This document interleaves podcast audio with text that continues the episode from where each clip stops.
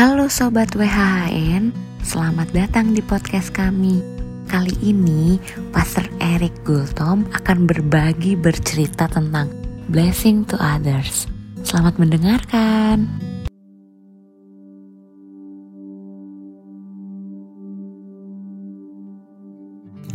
Semuanya, apa kabar? Aku harap teman-teman semuanya kabarnya baik-baik saja dan tetap stay safe, tetap jalankan protokol kesehatan. Aku percaya kasih dari Tuhan Yesus yang selalu sama dari dulu, sekarang sampai selamanya selalu beserta kita. Yesus selalu baik dan pemeliharaan yang selalu sempurna turun ke kehidupan kita beserta keluarga besar kita. Nama aku Eric Johannes Gultom, aku ingin membahas dan menyampaikan tentang blessing to others. Semoga apa yang aku sampaikan tentang blessing to others ini memberkati teman-teman semuanya, di mana pun teman-teman sedang mendengarkan. Berbicara tentang blessing to others, blessing to others itu berbicara bagaimana kita mau memberi hidup untuk mau memberkati orang lain. Kita harus punya pemahaman yang sama dulu tentang ini dan ini dasar utama blessing to others. Kita memberi hidup untuk memberkati orang lain.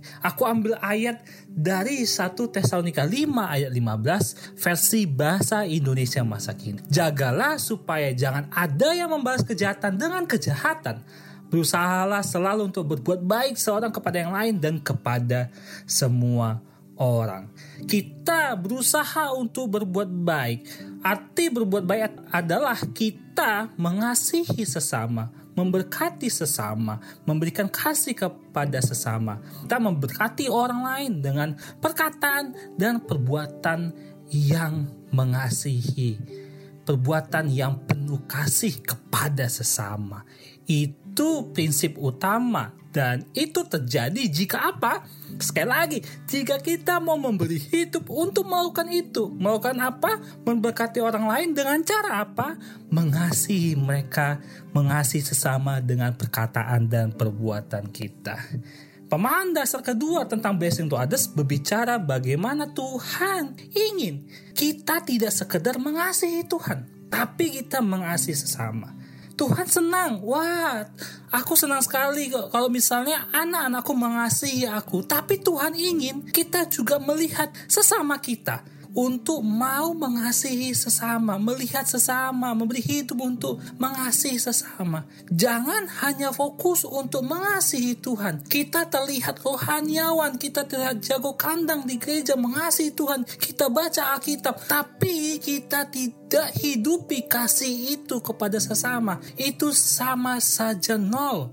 Dan Tuhan tidak mau itu. Perintah Tuhan mengasihi sesama juga bukan sekedar mengasihi Tuhan. Enggak salah mengasihi Tuhan, tapi jangan lupakan perintah ini. Mengasihi sesama. Kenapa?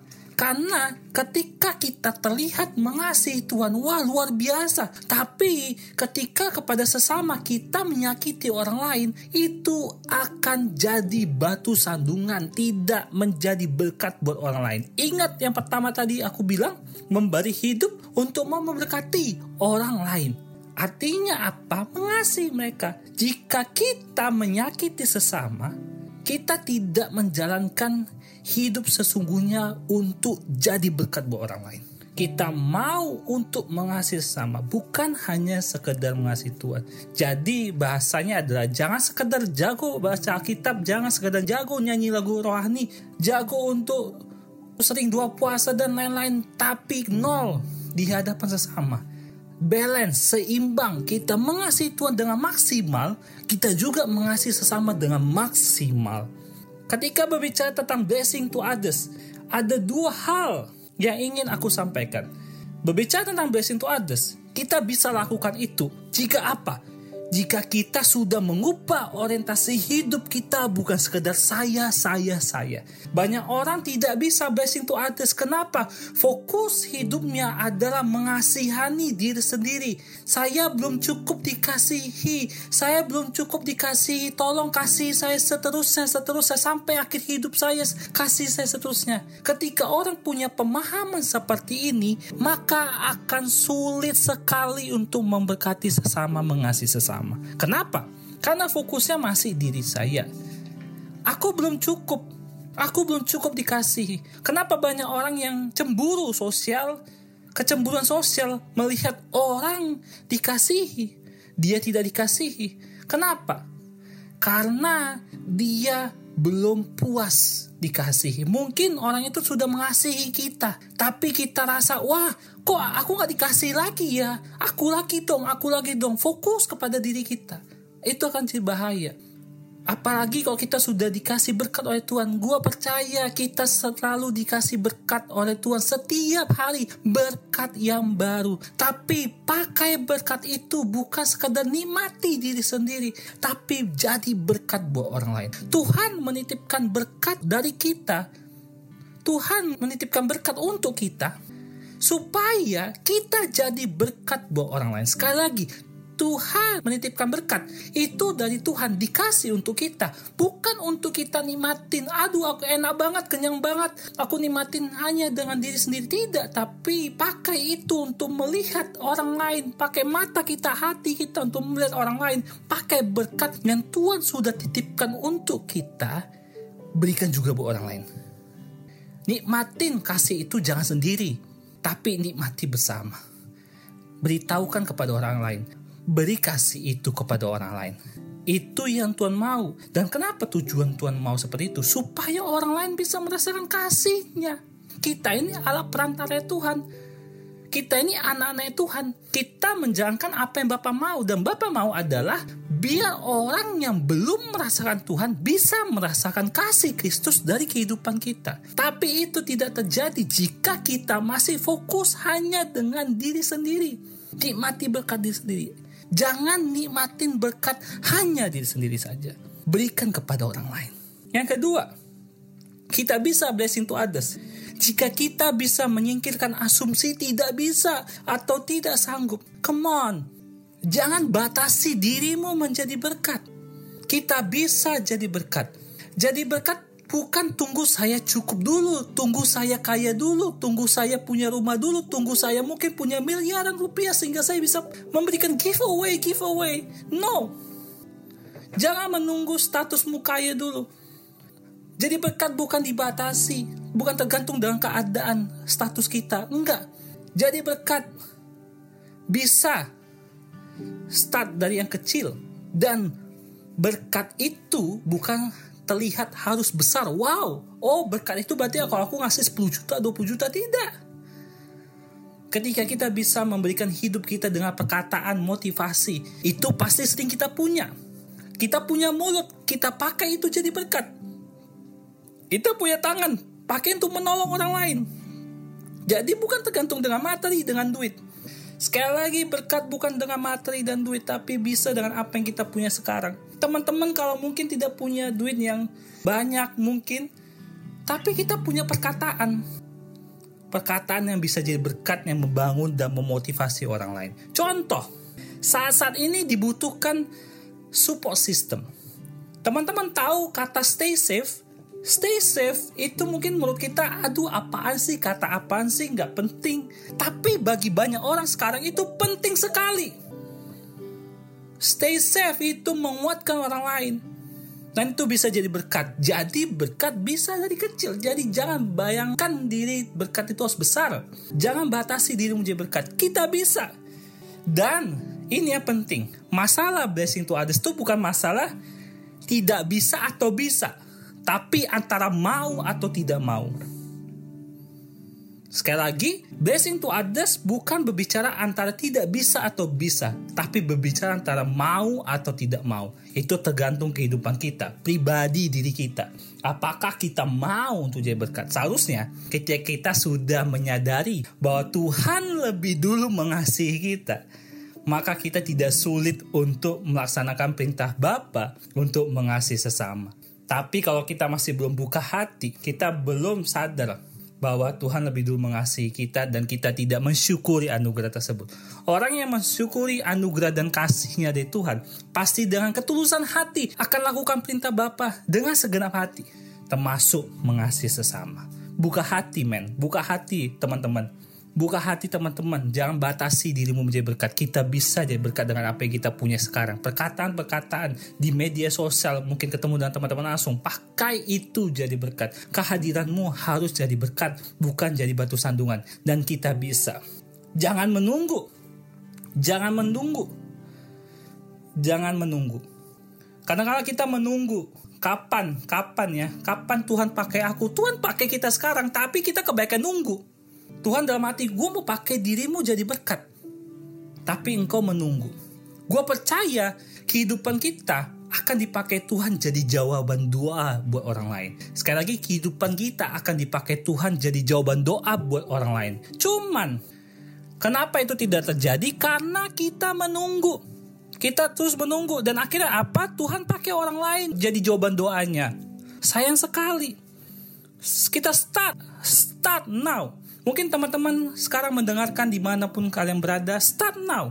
Start dari apa? Media sosial yang aku bilang tadi sebelumnya. Start tanya kabar mereka, kuatkan mereka, motivasi mereka. Gue percaya banyak sekarang orang-orang ngalami struggle, apalagi pandemi saat ini. Tanya kabar mereka, kuatkan mereka, kuatkan mereka. Ingatkan mereka akan kasih Kristusnya. Kasih Kristus yang selalu ada buat mereka. Itu yang penting. Jadi bukan menunggu. Mau sampai kapan kita menunggu kaya? Kalau misalnya contoh kita tidak kaya sampai akhir hidup kita, berarti kita menghabiskan waktu kita untuk tidak menjadi berkat. Sayang sekali, seharusnya penuhi hidup kita jadi berkat. Biar kita meninggalkan legacy bahwa kita menjalankan kasihnya Bapa dan orang bisa merasakan kasih Kristus dari kehidupan kita. Sayang sekali kalau sepanjang hidup kita kita tidak mengenalkan Kristus. Orang lain tidak merasakan kasih Kristus dari kehidupan kita. Padahal yang Bapak inginkan kita ada di dunia ini. Start to blessing to others supaya apa? Sekali lagi biar orang lain bisa merasakan kasih Kristus dari kehidupan kita. Itu yang penting. Kita bisa blessing to others? Pasti bisa. Pasti bisa. Tapi satu hal yang penting sekali adalah bahwa sebelum kita blessing to others ada dua hal yang harus kita mengerti. Yang pertama munikan dulu hati kita. Kita bisa semua ini. Yang mungkin teman-teman bilang aku oke okay, aku bisa semuanya. Yang KRI bilang yang tiga tadi aku bisa lakukan. Cuman dia pertanyaan cek dulu hati kita sebelum kita jadi berkat. Munikan dulu hati kita sebelum kita jadi berkat. Munikan hati yang tulus untuk jadi berkat. Jangan punya motivasi yang licik ya motivasi untuk mencuri kemuliaan Tuhan. Biar kita mengasihi Tuhan karena untuk memuliakan nama Tuhan Jangan blessing to others. Jangan mengasihi sama dengan demi tujuan untuk mengubah image menjadi baik. Jangan paksa mengubah image menjadi baik. Biar orang sendiri yang menilai imagemu dengan baik. Kita penuh dengan perbuatan baik-baik, tapi tujuan apa supaya orang lihat dan berkata bahwa kita baik, supaya orang melihat kita dan berkata bahwa kita oh keren banget, kamu baik banget. Apakah itu tujuan kita? No. Tapi orang lain bisa berkata dan melihat di kehidupan kita Tuhan Yesus baik, bukan kita yang baik. Kita hanya alat ya Tuhan. Dan jangan paksa, biar orang secara natural memuji. Banyak orang seperti ini kenapa? Karena haus pujian. Pengen dipuji mulu. Nggak senang hidupnya kalau nggak dipuji setiap hari. Jangan fokus untuk mencari pujian. Jangan fokus supaya kita dibilang baik-baik, dibilang keren, dibilang cool, apalagi pokoknya menyenangkan hati kita. Kita melakukan kasih blessing to others bukan untuk menyenangkan hati kita tapi untuk menyenangkan hati Tuhan. Itu yang Tuhan mau, tulus hati. Itu semua pujian akan datang dengan sendirinya. Saya suka sekali quote dari Pastor Jeffrey Rahmat. Dia bilang, jangan kejar apa yang datang dengan sendirinya. Kita terlalu memaksa untuk mencari yang datang dengan sendirinya. Pujian, berkat, itu datang dengan sendirinya. Tapi bukan itu fokus kita mengasihi. Fokus kita adalah biar nama Tuhan dimuliakan. Biar orang lain bisa merasakan kasih Kristus. Itu tujuannya. Bukan tujuannya pujian atau berkat. Itu akan datang dengan sendirinya, tapi bukan itu fokus utama kita dan bukan itu yang kita cari. Sekali lagi, fokus utama kita melakukan blessing to others. Hati kita karena untuk Tuhan dan kita melakukannya karena kita mau mengasihi Tuhan dan nama Tuhan dimuliakan di hidup kita, orang lain bisa merasakan kasih Kristus. Mengasihi bukan mencari kebahagiaan. Tapi mengasihi itu memberi kebahagiaan. Kita sudah dapatkan kebahagiaannya dari Yesus Kristus, anugerahnya di atas kayu salib. Jadi fokus kita adalah bukan untuk mendapat kebahagiaan, mencari kebahagiaan, tapi kita blessing to others supaya kita memberi kebahagiaan. Orang yang punya prinsip seperti ini, orang yang punya prinsip seperti ini, dia tidak akan stop di tengah jalan untuk blessing to others. Banyak orang stop blessing to others di tengah jalan. Kenapa? Karena nggak dapat feedbacknya. Mereka berharap feedbacknya adalah apa tadi aku bilang pujian, disanjung, dibilang baik. Ketika mereka tidak dapatkan itu, mereka stop blessing to others. Itu yang Tuhan nggak mau. Itu penting. Ketika kita sudah murni hati kita, mau dapat mungkin cercaan, hinaan ketika kita blessing to others, we not stop, kita nggak berhenti blessing to others. Kenapa? Karena kita mengerti itu pikul salib. Memang ikut Tuhan tuh pikul salib, melakukan kebenaran tuh pikul salib. Itu udah makanan. Not stop. Kenapa? Dipuji orang lain, nggak dipuji orang lain, gue tetap jalanin. Tapi yang penting biar mereka mengenal nama Tuhan, biar mereka merasakan kasih Kristus di kehidupan kita. Tetapi kalau orang yang fokus dengan feedback, fokus dengan mencari kebahagiaan, maka mereka akan stop di tengah jalan. Fokuslah memberi kebahagiaan. Fokuslah memberi kebahagiaan. Kita blessing to others. Memberi kebahagiaan. Kebahagiaan apa? Kabar baik tentang Kristus. Biar mereka merasakan kasih Kristus. Fokus semua ini. Biarlah nama Tuhan dimuliakan, bukan nama kita. Biar nama kita terkenal. Wah, aku mau blessing to others biar nama kita terkenal. No, yang penting itu nama Tuhan dikenal. Sehingga nama Tuhan dikenal banyak orang dan banyak orang mengikuti Kristus. Jangan pernah mencuri kemuliaan Tuhan. Lakukan blessing to others untuk Tuhan, bukan untuk aku. Biar blessing to others, kita mengasihi orang lain, kita memberkati banyak orang lain. Biar orang mengenal kasih Kristus, bukan sekadar mengenal kasih kita. Dan orang mengikut Tuhan, bukan mengikut kita. Kita bukan mencari followers, kita bukan menjaring followers, gue biasa tuh supaya followers gue banyak di Instagram nope apalah pentingnya manfaatnya followers banyak tapi hidup kita berantakan. Apalah pentingnya followers banyak tapi rupanya dia orang kita munafik. Kasih kita licik munafik. Tuhan gak mau. Jadi blessing to others. Sebelum kita lakukan semua ini munikan sekali lagi hatimu. Hatimu untuk Tuhan. Kita blessing to others untuk Tuhan. Teman-teman Semoga ini memberkati kita dan mengubah pemahaman kita tentang blessing to others. Lakukanlah blessing to others dengan segenap hati, dengan ketulusan hati, dan dengan tujuan apa? Supaya nama Tuhan dimuliakan. Banyak orang mengenal kasih Kristus. Banyak orang bisa memuliakan nama Tuhan dari kehidupan kita.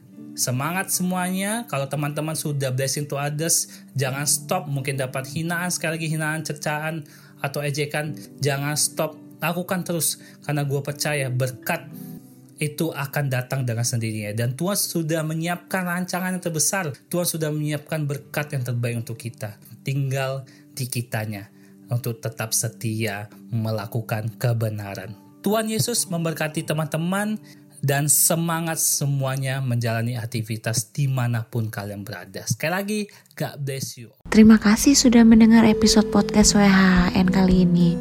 Jika teman-teman ingin berbagi kesaksian kehidupan bersama Kristus, teman-teman bisa reach out kami di Instagram worshiphisholyname.id. Sampai bertemu di episode lainnya ya.